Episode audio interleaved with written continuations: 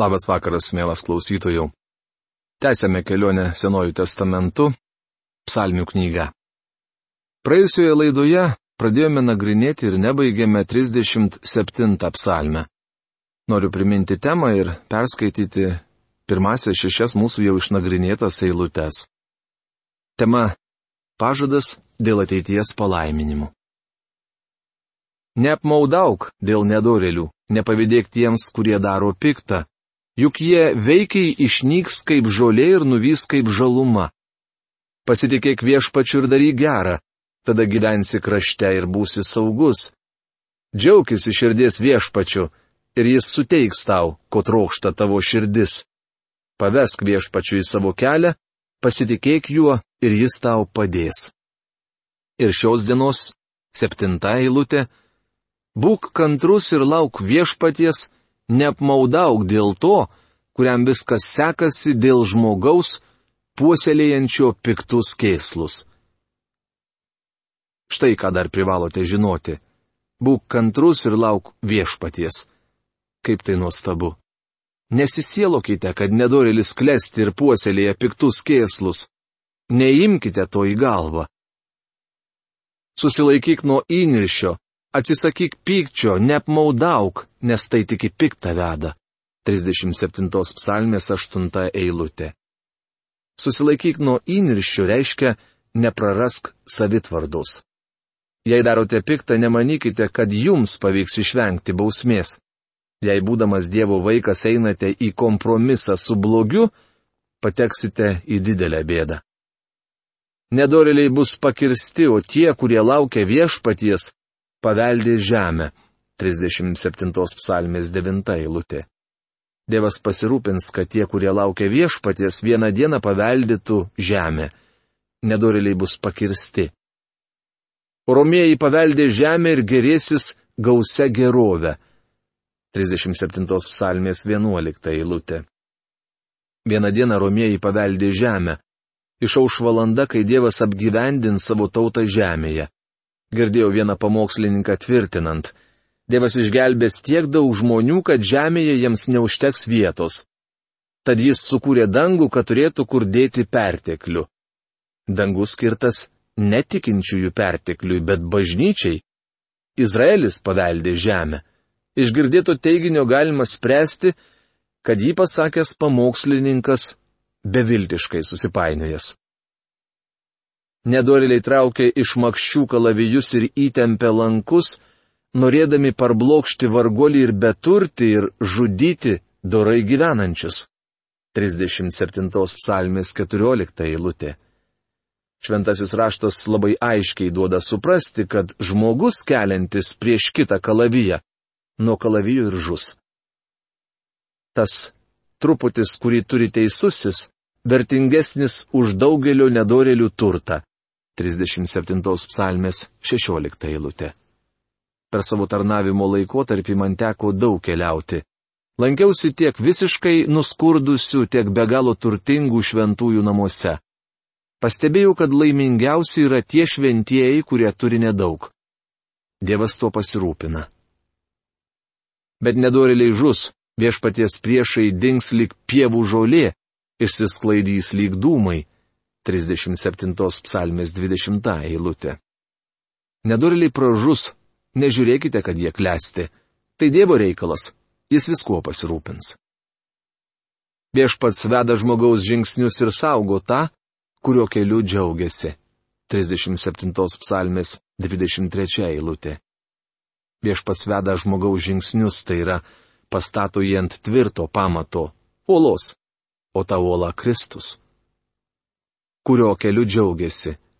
Ar šiandien Dievas jumis džiaugiasi? Dievas turėjo priekaištų Jobui, kuris anaip tol nebuvo benuodėmis, tačiau džiaugiasi juo. Teisėjai paveldės kraštą ir jame gyvens amžinai. 37 psalmės 29 eilutė. Šia eilutė vėl pabrėžia, kad Dievas išpildys Abraomui ir Izraelio vaikams duotą pažadą. Jis žadėjo jiems žemiškų palaiminimų, tačiau mums to nežada. Mes palaiminti visą dvasinę palaimą. jūs susipainiosite, jei tikėsite, kad Dievas jums pažadėjo žemiškų palaiminimų. Tiesa, daugelis krikščionių yra palaiminti materialiai, bet tai jau priedas, papildomas palaiminimas reikalaujantis milžiniškos atsakomybės. Užjaučiu tuos turtingus šventuosius, kurie savo pinigų nenaudoja taip, kaip Dievas to nori. Brangink nuo širdų žmogų, įsižiūrėk į dorą, nes taikus žmogus turi ateitį, o nusidėjėliai bus visiškai sunaikinti, nedorilių palikuonis išnaikinti. 37 psalmės 37-38 eilutės. Kosto burbulio Biblijos vertime skaitome. Žiūrėk į tobuląjį ir stebėk teisųjį, nes tokių galas ramybė. Tobulasis tai žmogus, kuris tiki Dievu ir pasikliauja jo išgelbėjimu. Doro arba teisaus žmogaus galas - ramybė. Dievas tuo pasirūpins. Kosto burbulio Biblijos vertime 38 eilutė skamba taip. Nusikalteliai bus sunaikinti, nedorelių galas pražūtis. Įsidėmėkite šiuos žodžius. Tai visuotinas dėsnis. Toks pat tikslus, kaip ir gravitacijos. 38 psalmė. Tema - Atgailos psalmė, kurioje kalbama apie fizinę negalę. Prierašas byloja - Dovido psalmė - priminimo aukai. Šis skyrius priskiriamas prie atgailos psalmių. Jame skaitome sunkiai sergančio Dovido išpažinti. Jo kūnas nyksta. Istorinėse Biblijos knygose neužsimenama apie šią lygą, Tačiau kiek anksčiau matėme, jog Davidas dėkojo Dievui už išgydymą. Viešpatie, nenubausk manęs pykdamas, neplak manęs nirždamas, 38 psalmės antra eilutė. Didelio vargo ištiktas Davidas meldžia, kad Dievas nebaustų jo pykdamas. Juk tavo strėlės į mane giliai įsmigo ir tavo rankos smūgiai mane ištiko. 38 psalmės trečia eilutė tai rimta bausmė. Nėra nieko sveiko mano kūne nuo tavo įpykio, braška mano kaulai, nes nusidėjau. 38 psalmės ketvirta eilutė. Davido lyga yra nuodėmės pasiekmė. Virš galvos esu apsemtas nuodėmių, jos legia mane lyg sunkiausia našta. 38 psalmės penkta eilutė. Mes bičiuli negalime panešti savų naštų, o ypač nuodėmės naštos. Turime atiduoti šią naštą Dievui. Mano žaizdos dvokia ir puliuoja per mano kvailumą. Susitraukęs ir jėgų netekęs, slankioju niurus visą dieną. Mano strienos pilnos deginančios skausmo, nėra nieko sveiko mano kūne. Visiškai atbukęs ir nukamuotas vaitoju, nes man širdis iš nerimo plyšta. 38 psalmės 6-9 eilutės. Davido lyga jo kvailumo pasiekmė. Šį vyrą kamoja fizinės kančios. Bažnyčia, kurioje man teko tarnauti pirmiausia, lankė vienas gydytojas. Siki jis pasikvietė mane į savo kabinetą, atvertė šią psalmę ir tarė. Daugelis mano, kad Davidas sirgo venerinė lyga. Ta pati man sakė ir medicinos mokykloje, tačiau aš taip nemanau. Tuomet paklausė mano nuomonės. Aš pasakiau, kad sutinku su juo. Man ši diagnozė taip pat nepriimtina. Žiūrėdami į šią psalmę kaip į pranašystę, kai kurie aiškina, jog čia prašoma Kristaus būklė ant kryžiaus. Neva prisimdamas mūsų nuodėmės, Kristus savo kūnę užnešė ant kryžiaus ir visas žmonijos lygas. To negalėjo būti, nes lyga yra nuodėmės pasiekmė, o Kristus buvo be nuodėmės. Evangelijos pagal Luką pirmos skyriaus 35 eilutėje, kur kalbama apie jo gimimą, skaitome. Angelas jai atsakė, Šventoji dvasia nužengs ant tavęs ir aukščiausiojo galybė pridengs tave savo šešėliu. Todėl ir tavo kūdikis bus šventas ir vadinamas Dievo sūnumi. Viešpats Jėzus Kristus buvo šventas. Jis neturėjo nuodėmingos prigimties. Dievas tėvas kalbėjo apie Kristaus žemišką gyvenimą. Tu mano mylimasis sunus, tavimi aš geriuosi, rašoma Morkaus Evangelijos pirmos kiriaus vienuoliktoje eilutėje. Gyvenimui artėjant prie pabaigos, Viešpats Jėzus pats sakė, Kas iš jūsų gali įrodyti mane nusidėjus, rašoma Jono Evangelijos 8 skyriaus 46 eilutėje. Jėzus buvo šventas, nekaltas, atskirtas nuo nuodėmės. Būdamas lygotas jis nebūtų tapęs avinėliu be kliaudos ar dėmės, paukotų už mūsų nuodėmės, nes lyga yra nuodėmės pasiekmė. Kristus numirė ant kryžiaus būdamas šventas. Pirmasias tris valandas Kristui kabant ant kryžiaus žmogus padarė blogiausia, ką tik galėjo. Tačiau per paskutinėsias tris valandas Dievas padarė visą, kas geriausia, mat Kristus prisijėmė ant savęs pasaulio nuodėmę. Nesuklyskime, Kristus prisijėmė pasaulio nuodėmę. Kai sakoma, kad jis prisijėmė mūsų negalės, turima omenyje nuodėmės negalę. Simonas Petras patvirtina tai pirmo savo laiško antros kiriaus 24 eilutėje. Jis pats savo kūnę užnešė mūsų nuodėmės ant kryžiaus, kad numirę nuodėmėms gyventume teisumui. Jūs esate pagydyti jo žaizdomis. Pagydyti nuo ko? Nuo lygų? Ne. Nuo nuodėmės. Jis užnešė ant kryžiaus mūsų nuodėmės. Išsprendė mūsų nuodėmės klausimą. Jėzus nebuvo lygotas. Lyga yra nuodėmės pasiekmė, o viešpats Jėzus Kristus buvo be nuodėmės. Baisi šventvagystė teikti, kad viešpats Jėzus kabėjo ant kryžiaus lygotas. Tie, kurie esame patyrę kūno lygas ir negalės, galime pritarti tam, ką šioje psalmėje sako Dovydas. Pirmiausia, turėtume nešti savo lygos istoriją didžiajam gydytojui, o tuomet kreiptis į geriausią daktarą, kokį tik galite rasti. Būkite praktiški. Visa gydytojo išmintis ir įgūdžiai ateina iš Dievo. Nesvarbu, pripažįsta jis tai ar ne. 39 psalmė. Tema - laidotuvių psalmė. Ši nuostabi psalmė atskleidžia mums žmogaus trapumą, silpnumą, laikinumą ir menkumą. Parodo, kokia tuščia jo egzistencija. Šis psalmino skyrius dažnai skaitomas laidotuvių metu ir nebe pagrindu. Kai kurie laiko šią psalmę gražiausią psalmino elegiją. Dinas Peraunas yra pasakęs. Šventasis giesmininkas ilgai tvardė savo jausmus. Nors neramios mintis sukosi jo galvoje, jis jų neišsakė. Davidas negalėjo atverti širdies piktoms, neužjaučiančio pasaulio akims bijojo, kad pasakojant savo sunkumus iš jo lūpų gali išskristi koks nors žodis, kuris suteiks nedorėliams progą burnoti prieš Dievą. Galiausiai, nebegalėdamas nuslopinti emocijų, jis prabyla ne į žmonės, bet į Dievą. Davidas suvokia, kad gyvenimo problemos beviltiškos, jei jų neapšviečia Dievo šviesa.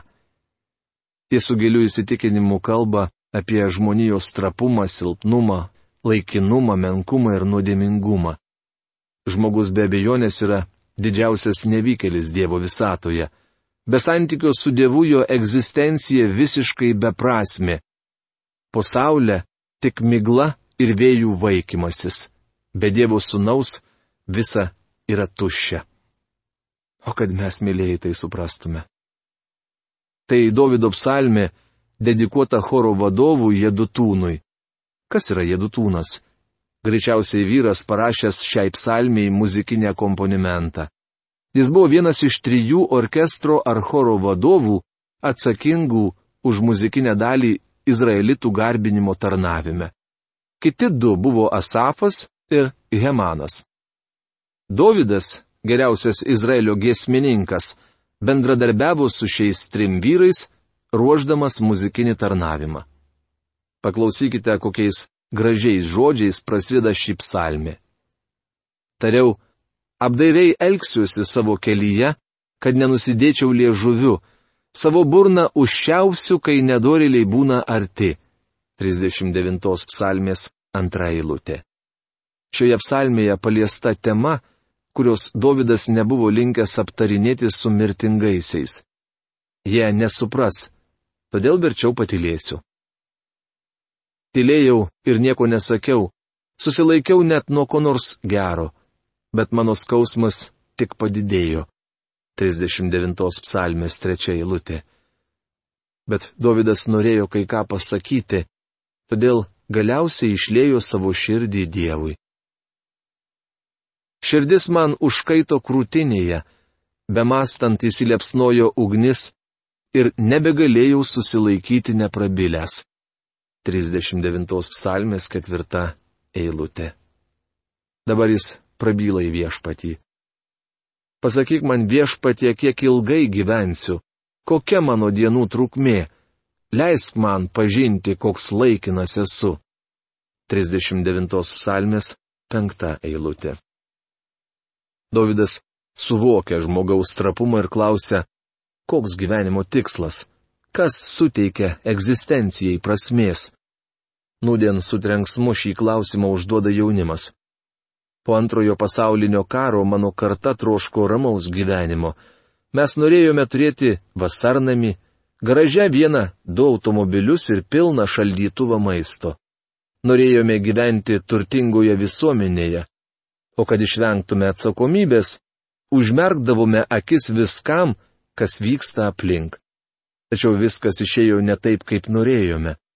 Šiandien stringame transporto grūstyje, mūsų gyvenimas pilnas įtampos, nauja karta, net tie, kurie užaugo krikščioniškose šeimose.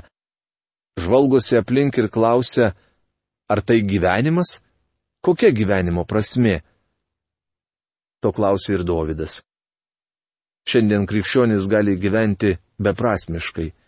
Jei esate krikščionis ir turite vaikų, ar savo gyvenimu grežiate juos į Jėzų Kristų? O gal stebėdami jūs jie grežiasi nuo visko, kas yra krikščioniška? Po žemę klajoja daug bastūnų, kurie paliko namus ir dabar ieško nemalonumų, nes jiems buvo rodomas blogas pavyzdys. Daugelis iš jų augo taip vadinamuose gerose šeimose, kurios iš išorės atrodė nepriekaištingos. Tačiau tie jauni žmonės žiūrėjo į savo tėvus ir sakė, jų gyvenimas beprasmis. Ši psalmė aktuali dabartiniai kartai. Davidas meldėsi, duok man viešpatie žinoti mano galą ir koks yra mano dienų saikas. Verčia profesorius Algirdas Jurienas. Parodyk gyvenimo tikslą ir prasme. Tu padarėjai mano gyvenimą tik sprindžio ilgumo, jo trukmė beveik niekas tavo akise. Iš tikrųjų žmogaus būvis - tik vėjų dvelgtelėjimas. Sela. 39 psalmės 6 eilutė. Šia eilutė baigėsi žodeliu sela. Sustok, įsižiūrėk ir įsiklausyk. Apsvarstykite tai, bičiuli. Trumpas žmogaus gyvenimas šioje žemėje turėtų mums kai ką byloti. Jei šiuo gyvenimu baigėsi žmogaus egzistencija, tai jis visiškai tuščias ir beprasmis. Tokiu atveju verčiau būčiau dinozauras ar raudonmedis. Tai bent pagyvenčiau šiek tiek ilgėliau. Mat palyginus su jų gyvenimo trukme, žmogaus dienų skaičius yra kaip sprindis. Žmogus praeina kaip šešėlis. Visas jo triūsas tik migla. Jis kaupia turtus, bet nežino, kam jie atiteks. 39 psalmės 7 eilutė anglų novelistas Viljamas Tekerėjus, kuris buvo krikščionis, yra parašęs novelę Tuštybės mūgė. Man patiko ši knyga. Tai gyvas satyrinis pasakojimas apie grupelę žmonių, kurie kasdien vaidina savo rolę ir daro mažas nuodėmėlės, skleidžiančias baisę smarvę danguje. Jie gyvena tuštybėje ir barniuose, kol sulaukia paskutiniosios. Toks gyvenimas Žmogus praeina kaip šešėlis. Jis kaupia turtus, bet nežino, kam jie atiteks. Niekas nepasikeitė. Pagalvokite apie krikščionis, kurie kaupia žemiškus turtus, o vėliau palieka juos bedieviams vaikams arba kokiam nors nevertam tariamai krikščioniškam darbui. Taip nutinka dažnai. Psalmininkas matė tai ir klausė, kokia visa to prasme? Tad ko viešpatie aš galiu tikėtis? Tavyje mano viltis. 39 psalmės aštunta eilutė. Davidas grežiasi į Dievą. Tavyje mano viltis. Bičiuli, jei neatsigręšite į Dievą, nerasite gyvenimo prasmės. Išvaduok mane iš visų mano kalčių, nepadaryk manęs kvailųjų pajuoką. 39 psalmės 9 eilutė. Davidas norėjo būti geru pavyzdžiu. Tyliu ir burnos netveriu, nes tu tai padarėjai. 39 psalmės 10 eilutė. Jis nenorėjo atskleisti savo minčių aplinkiniams, nes jos gana pesimistiškos. Nukreipk nuo mane savo rykštę, aš žūstu nuo tavo rankos smūgių. 39 psalmės 11 eilutė. Davidas jautė savo gyvenime Dievo rykštę ir neveltui. Ak bičiuli, kaip svarbu, kad mes teisingai žiūrėtume į gyvenimą. Mirtis nėra gyvenimo kelionės tikslas. Sakydamas, dulkė esi ir į dulkę sugrįši, Dievas kalbėjo ne apie sielą. Žmogaus laukia ilga kelionė. Mums prieš akis amžinybė. Turėtume laukti jos nekantraudami.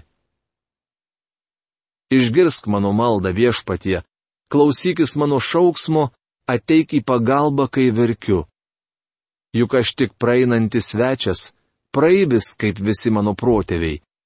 39 psalmės 13 eilutė. Šioje žemėje mes esame piligrimai ir ateiviai, tačiau taip negalvojame. Stengiamės susitvarkyti savo žemės lopinėlį ir manome, kad jis tvers amžinai. Mes įsisupame į netikro saugumo paklodę. Leiskite pabrėžti, kad daugių daugiausia šioje žemėje mes esame piligrimai ir ateiviai. Tad taip ir turime gyventi. Mes keliaujame į miestą, kurios statytojas ir kuriejas būtų Dievas. Rašo Hebrajams laiško autorius 11 skyriuje 10 eilutėje. A kaip nuostabu, kad šiandien galime turėti viltį. Kalbėdamas apie Dievą psalmininkas sako, tavyje mano viltis nukreip savo žvilgsnį nuo manęs, kad atsigaučiau pirmą negu nueisiu ir manęs nebebus. 39 psalmės 14 eilutė. Tai yra, įgalink mane gyventi taip, kad mane matantis vyrai ir moterys susimastytų apie amžinybę. Padaryk taip, kad mano gyvenimas trauktų žmonės prie Dievo. Šiandien daug kalbama apie asmeninį liudijimą. Bet kaip dėl liudijimo gyvenimu?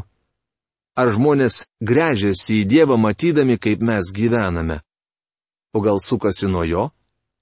Esu tikras, kad mūsų gyvenimai arba traukia aplinkinius prie Dievo, arba nuo jo atstumia. Mielas broli ir sesė, šie psalmė žodžiai te būna mums visiems padrasinimas, kad ne vien žodžiu plaktume netikinčiuosius, bet to žodžio pritaikymu savo gyvenime galėtume šviesti sugedusiam pasauliui. Su šiais žodžiais noriu užbaigti mūsų laidą. Ir paprašyti, kad kiekvienas, kuris girdėjome šitos žodžius, galėtume užsiduoti savo svarbiausią klausimą. O kaip yra su manimi? Lauksime jūsų laiškų. Iki malonaus sustikimo. Sudė.